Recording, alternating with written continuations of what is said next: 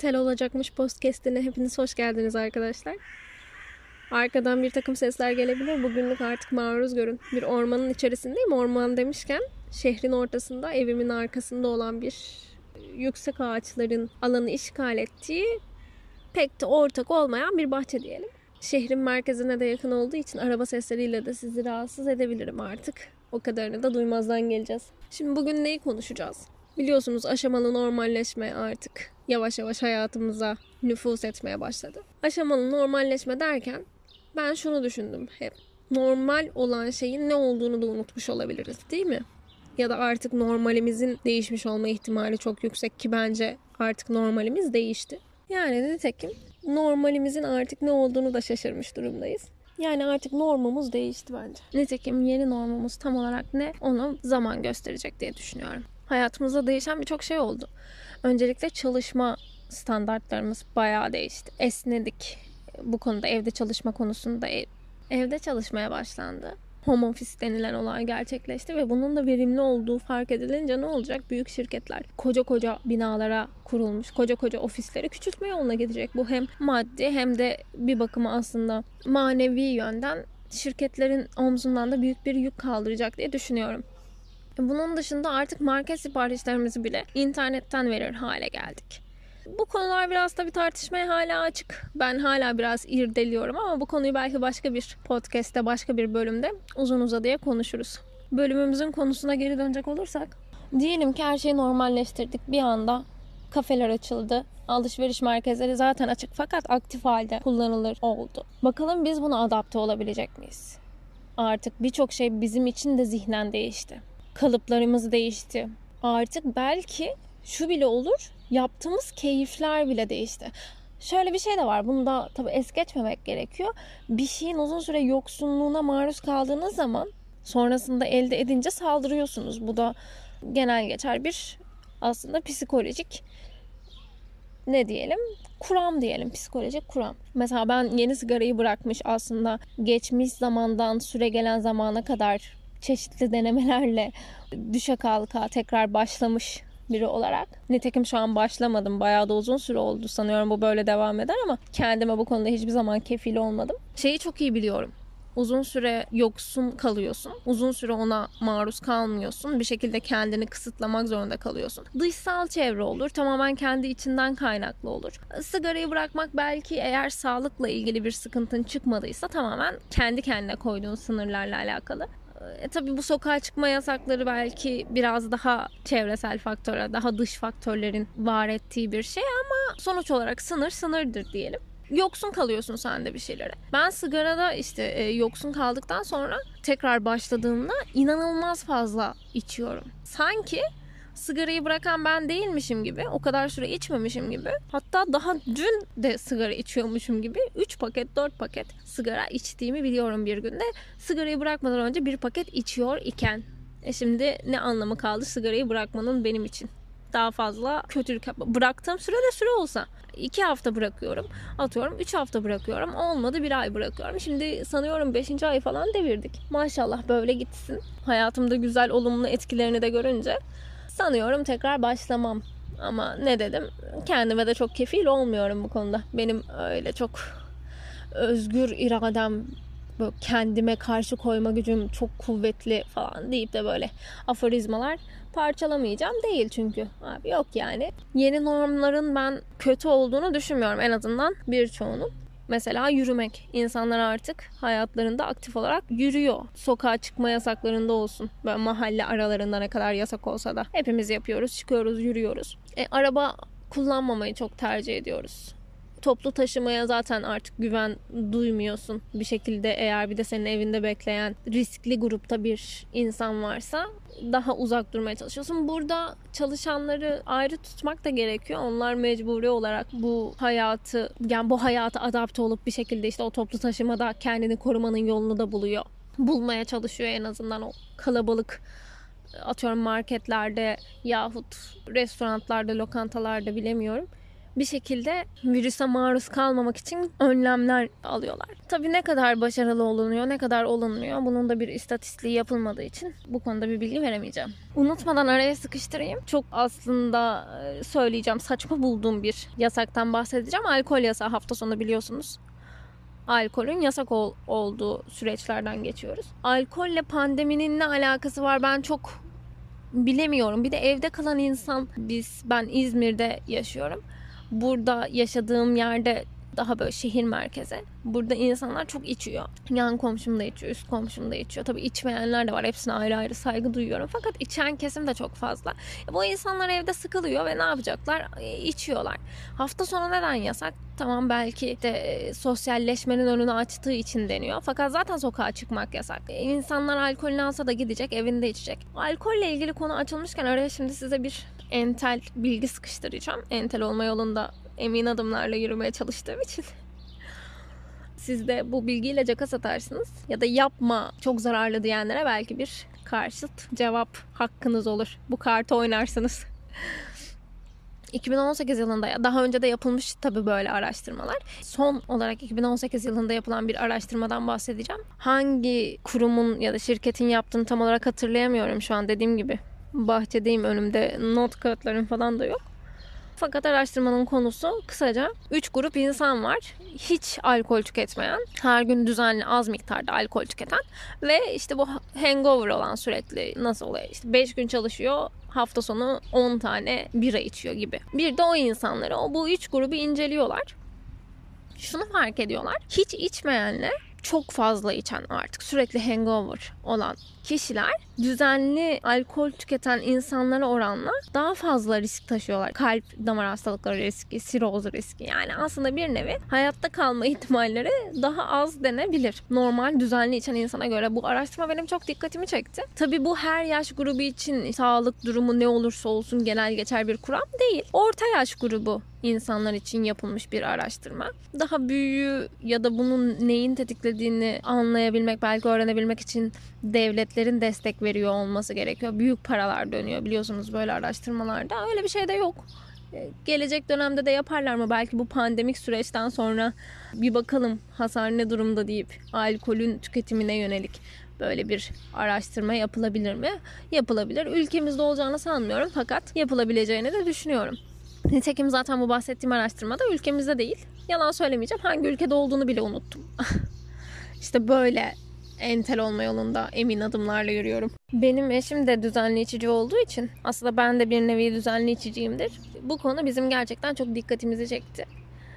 Aslında bir nevi içimizi rahatlattı da diyebiliriz orta yaş grubunda sağlığı nazaran iyi olan insanlar olarak bir nevi içimizi rahatlattı. Kaygılarımıza bir soğuk su döktü diyebilirim. Neden bunu anlattım? Alkol tüketiminin çoğaldığı aslında dönemden geçtiğimiz için. Bunun dışında şu da var. Düzenli şirketin ofisine gidip gelen insanlar evde kalıp çocuklarıyla zaman geçirirken bir yandan da işlerine devam etmek durumunda kaldılar. Bakıcılar belki artık o evin içinde var olan bakıcılar bir şekilde izne ayrıldı yahut pandemik bir süreç evlerine çekildi. Ha, kalanlar vardır o kadarını bilemeyeceğim fakat benim gördüğüm gözlemlediğim çevremde de olan artık insanların evde kalan insanların evden çalışan insanların çocuklarıyla kendileri ilgilenmeye başladıkları. Bu ebeveyn için de aslında ciddi bir travma. Çünkü alışılmış bir düzen bir anda alt üst oluyor ve belki uzun süredir maruz kalmadığın o çocuğun baskısı bir şekilde tüm sorumluluğu senin üstüne yeniden yıkılıyor ve bir şekilde sana destek olan eller ortadan kalkınca sen birebir sorunla tabii ki çocuk büyütmek ebeveynlik sorundan ibaret diyedir demiyorum. Bu dünyaya bir çocuk getirme fikri bana ne kadar yakın gelmese de ebeveynliğin çok kutsal olduğunu düşünüyorum. Tabii ki onun sevgisi belki o uğraşa değecektir. Ben bahsetmeye çalıştığım şey bu değil. Umarım anlamışsınızdır benim bahsetmeye çalıştığım bir şekilde artık birebir nüfus oluyor ebeveynle çocuk arasında. E burada da bir takım problemler çıkacak. E bu çocuklar bu dönemde belki travma atlatacak ve bu travmalarla büyüyecek. E bakalım gelecek nesil nasıl etkilenecek? Yani sadece şu an içinde yaşadığımız nesil değil, bir de bunun artık geleceği olan gelecek nesil de bu durumdan etkileniyor. Ha, çok dolaylı yoldan mı? Evet çok dolaylı yoldan.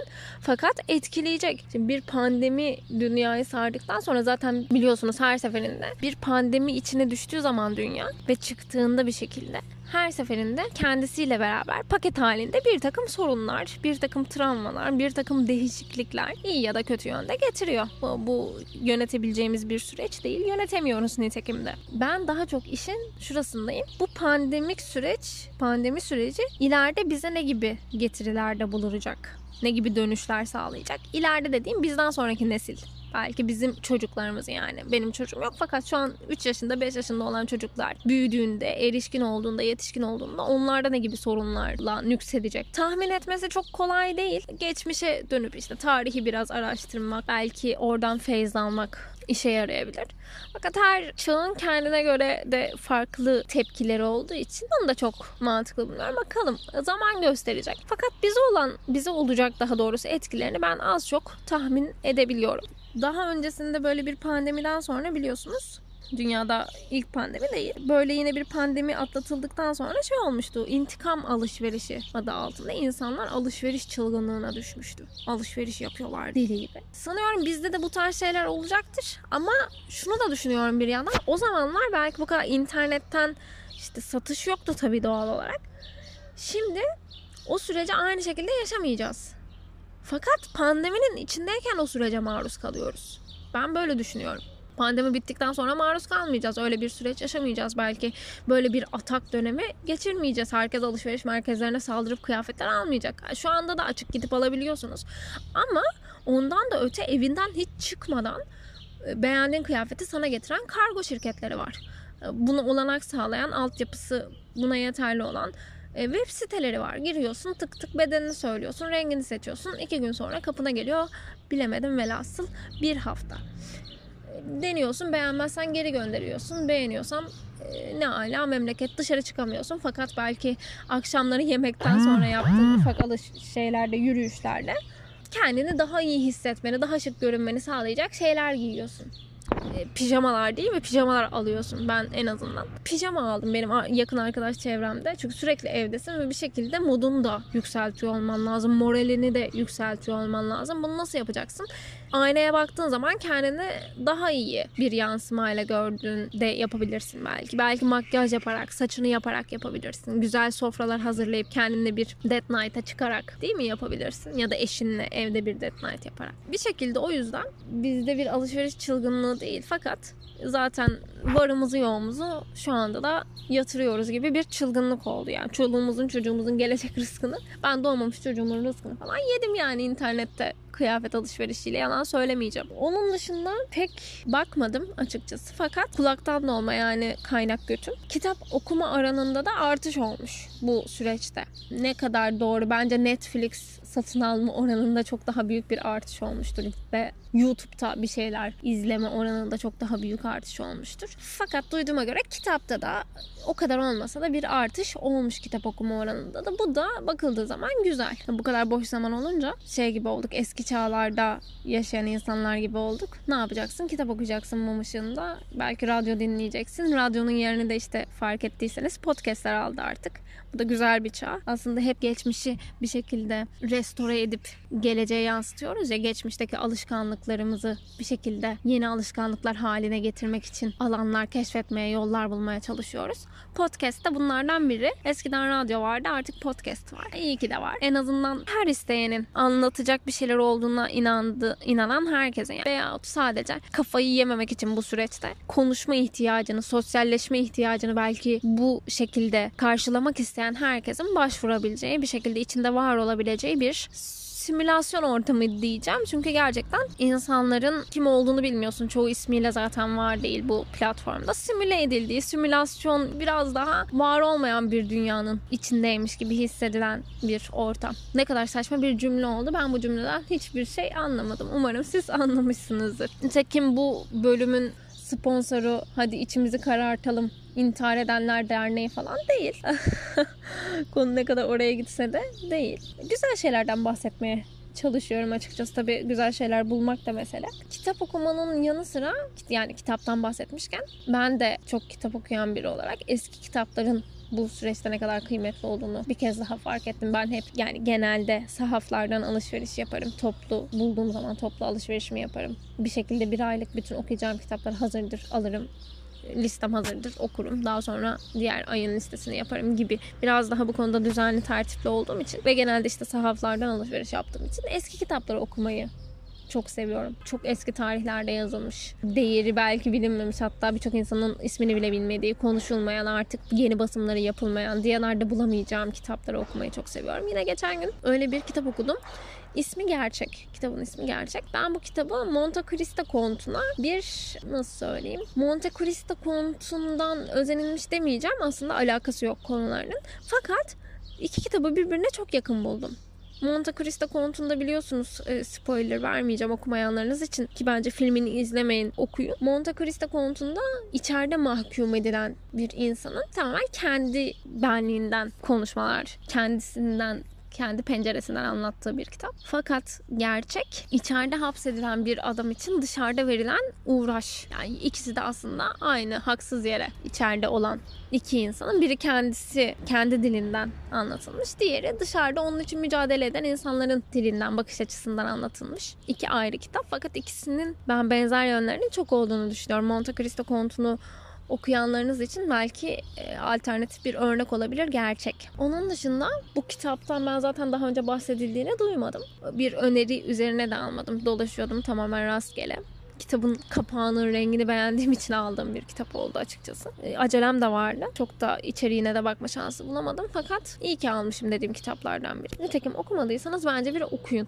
E, bir de çağımızla ilgili belki bu pandemi sürecinde evde oturup biraz kafamızı toplayıp yaşadığımız çağla, dünyayla alakalı düşünmek için başvurulabilecek yollardan biri olabilir bu kitabı okumak. Çünkü biraz sorgulatan da bir yapısı var. Tabi bu aralar 1984 çok moda. Sanıyorum herkes onu okuyacaktır. O, o da o da tabii ki olabilir ya da Cesur Yeni Dünya. Fakat bence okuyacaklarınızın arasına gerçek kitabını da bir koyun derim. Pandemi sürecinde bu yasakların da getir, getirisi olarak evde zaman geçirince aslında bir nevi konfor alanımızı evin içinde genişletmeye de başladık. Bu da ne demek oluyor? Evin içine daha fazla yatırım yapmaya başladık. Gelir oranı birçok meslek için düştü, birçok insan için düştü. Fakat harcamalar yükselmeye devam ediyor. Çünkü bir şekilde sürekli zaman geçirdiğin bir alana daha konforlu hale getirme çabası. Dünya üzerinde yaşamış her insanın aslında içgüdüsel olarak başvurduğu bir yöntem, bir yol bu. Mesela ben bunun için ne yaptım? Kapsüllü bir kahve makinesi aldım. Aslında daha önce aklıma bile gelmeyecek bir filtre kahve makinesi, bir moka olsa yeter dediğim alanda gidip kapsüllü de olsun diyerek bir kahve makinesi aldım. Bir başkası bunu başka şekilde yapıyor, bir başkası başka şekilde ama ne olursa olsun bir şekilde yaşadığımız alanı konforlu, daha konforlu hale getirmek için çabalıyoruz. Yaşadığımız alan demişken şu da artık bir sorun olmaya başladı. Balkonsuz evler. Eskiden evin içinde çok fazla zaman geçirilmediği için Fransız tipi, Fransız balkonlar denilen ya da tamamen upuzun apartmanlarda, upuzun yapılarda tamamen camdan alanlar yerine insanlar artık balkon isteme, balkonlu bir alanda zaman geçirme ihtiyacında olmaya başladı. Eskiden şey yaparlardı. Balkonu mutfağa dahil ederlerdi. Şimdi insanlar mutfaktan balkonu çıkartıyorlar daha önce mutfağa dahil edilmiş o balkonlardaki duvarlar yıkılıyor ve yeniden balkon haline getiriliyor. Neden? Çünkü artık sosyalleşme alanı balkonlar olmaya başladı. E şimdi bu yeni normlar çerçevesinde bakıldığı zaman bütün bu yasaklar kalktığında insanlar dışarı çıktığında ya oluyor da aslında geçenlerde kafeleri açtılar biliyorsunuz. Ne oldu? İnsanlar saldırdı, hıncı hınç doldu. Kimse işte yarım saat oturacağız, kalkacağız. Biz bu kadar bilinçliyiz. Kimsenin hakkını da yemeyeceğiz. Kimsenin hasta olmasına sebep olmayacağız deyip çok da spesifik adımlar atmadılar. Tam tersi daha fazla nasıl oturabilirim, nasıl daha hızlı yer kapabilirim değil mi? Daha hızlı masa boşaldığı zaman nasıl daha hızlı o masaya ulaşıp o masayı ben işgal edebilirim derdine düştük. Ne oldu? Nitekim çok kısa bir süre sonra tekrar kapanmak durumunda kaldılar. İnsan doğası içgüdüsel olarak bunu yapacağız. Çünkü mahrum kaldık ya saldıracağız. Fakat yine aynı şey olacak. Ben buraya biraz daha parmak basmak istiyorum. Yine aynı süreçten geçeceğiz. Bir şekilde yeniden aşamalı normalleşeceğiz ki aşamalı normalleşme derken ben tam olarak neyi kastettiklerini de pek bilmiyorum. Bugün akşama doğru açıklama yapılacak bu ikinci kademe normalleşme için. Valla heyecanla bekliyorum. Yani kademeli normalleşme dediğindeki o kademenin ne olduğu tabii kişiden kişiye de değişir ya. Bakalım bizim ülkemiz için, bizim kişilerimiz için ne olacak çok merak ediyorum. Sonra belki o ikinci aşama normalleşmenin kademelerini de uzun uzadıya konuştuğumuz bir bölüm neden olmasın gelebilir. Onun dışında tahmin edersiniz ki aile içi geçimsizlik olayları artmış. Aslında bu beklenmedik ya da kimsenin aa öyle mi olmuş diye şaşırdığı bir durum olduğunu sanmıyorum. Aklı olup birazcık düşünebilen her insanın bu süreçte böyle sorunlar yaşayacağını biliyor olması çok normal. Onun yanı sıra semtleri ayrı olan yerlerde oturan insanlar uzaktan ilişki yani evli olmayan belki sevgililik döneminde olan insanlar ayrı şehirlerde yaşıyormuş gibi uzaktan ilişki ilişkiyi yönetmeyi, bu süreci yönetmeyi de öğrenmek için çabalıyorlar.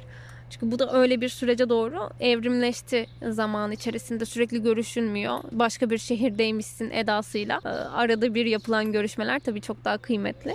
Aslında onlar için bir nevi belki biraz daha ilişkinin kuvvetlenmesi yolunda atılmış bir adım olabilir. Fakat dediğim gibi evli insanlar için ya da e, öyle demeyeceğim. Beraber aynı evin içinde zaman geçiren hayatı beraber paylaşan iki birey için bu durum bence aynı olmadı. Tam tersi zıt bir yönde ilerleme kaydetti. Hepsi için konuşmuyorum. Bunun yüzde kaçlık istatistik olduğunu falan da böyle bir şeylerde saçmalamayacağım. Çünkü bilmiyorum bakmadım. Ama bu açıklamaları hepimiz duyduk. Ben bunun nedenlerinden birinin de artık özel alan ihlali olduğunu düşünmeye başlıyorum. Yani neden diyorum 6 yıllık evli çiftler bir anda bu kadar şiddetli geçimsizlik yaşamaya başladı bu süreçte. Çünkü eskiden bence özel alan vardı bir şekilde kendin için yarattın. Kendine ait özel alanın vardı. Bu çalışmak olabilir, işe gitmek olabilir veyahut erkek arkadaşlarınla maça gitmek olabilir, kız arkadaşlarınla alışverişe gitmek olabilir. Bir şekilde özel alana sahiptin. Fakat artık o alanlar da ihlal edildi. Çünkü özel alanında artık tamamen farklı biri var ve o, o kişiyle o özel alanı paylaşmak durumundasın. Biz bir de birbirine çok saygılı gerçekten çok saygı gösteren toplum değiliz. Biliyorsunuz ya maalesef bu böyle. O yüzden evin içinde de durum değişmedi. İnsanlar, bireyler birbirlerine bu konuda yeterli saygıyı göstermiyor. Yeterli alanı açamıyorlar. Ve bunun sonucunda da ne oluyor? Aslında kedi gibi. Çünkü biz de hayvanız ya sosyal hayvanız. Kedi gibi alanımızı korumak için hırçınlaşmaya belki saldırmaya başladık. Ya burası benim, bu sınır benim demeye başladım. Biriyle çok uzun süre zaman geçirdiğinde gece gündüz sürekli hiç istisnasız zaman geçirdiğinde artık en basitinden konuşacak şeyin bitiyor. Yapacak aktivitelerin artık bitiyor. Bir şekilde her şeyin suyunu çektiği bir dönem. E ne oluyor? Anlaşmazlıklar, zıtlıklar su yüzüne çıkmaya başlıyor. Bu da kavgayı tetikliyor. Şiddeti demeyeceğim. Böyle bir şey tetiklemiyordur umarım. Nitekim bu süreçten sonra boşanmaların da çok olacağını düşünüyorum. E yine döndük dolaştık aynı şeye geldik. Boşanmanın sonucunda travma yaşayan çocuğun ileride yetişkin olduğunda göstereceği etki. Yani bugünden ortalama 80 yıl sonrasını şekillendirdik diyebilir miyiz? Bence diyebiliriz. Eskiden yakındığımız şey mahalle aralarında oynanan oyunlar artık günümüze kadar taşınmadı. Yok çocuklar çıkıp apartmanların önünde, evlerin önünde oyun oynamıyordu. Geçen gün fark ettim. Belki bu sürecin iyi taraflarından biri. Yine yürüyüş yapıyoruz eşimle akşam bir apartmanın önünden geçerken bir grup çocuk top oynuyor. Yine başka bir apartmanın önünden geçerken bir grup çocuk saklanmaç oynuyor. Araba yok tabi. Trafik bayağı azalmış. Sanıyorum sokağa çıkma yasağı olan bir günde hafta sonuydu. Çocuklar bayağı benim çocukluğumdaki gibi sokakta oyun oynuyorlardı. Bu da tabi aslında beni bayağı mutlu etti. Çünkü bu süreçten önce sosyalleşmeyi unutan çocuklar bir şekilde sokakta zaman geçirmeye başlayıp yaşıtlarıyla sosyalleşmeye başladılar. Bu yönden de aslında Belki o travmaya bir nevi yara bandı olabilir mi? E bunu da zaman gösterecek artık.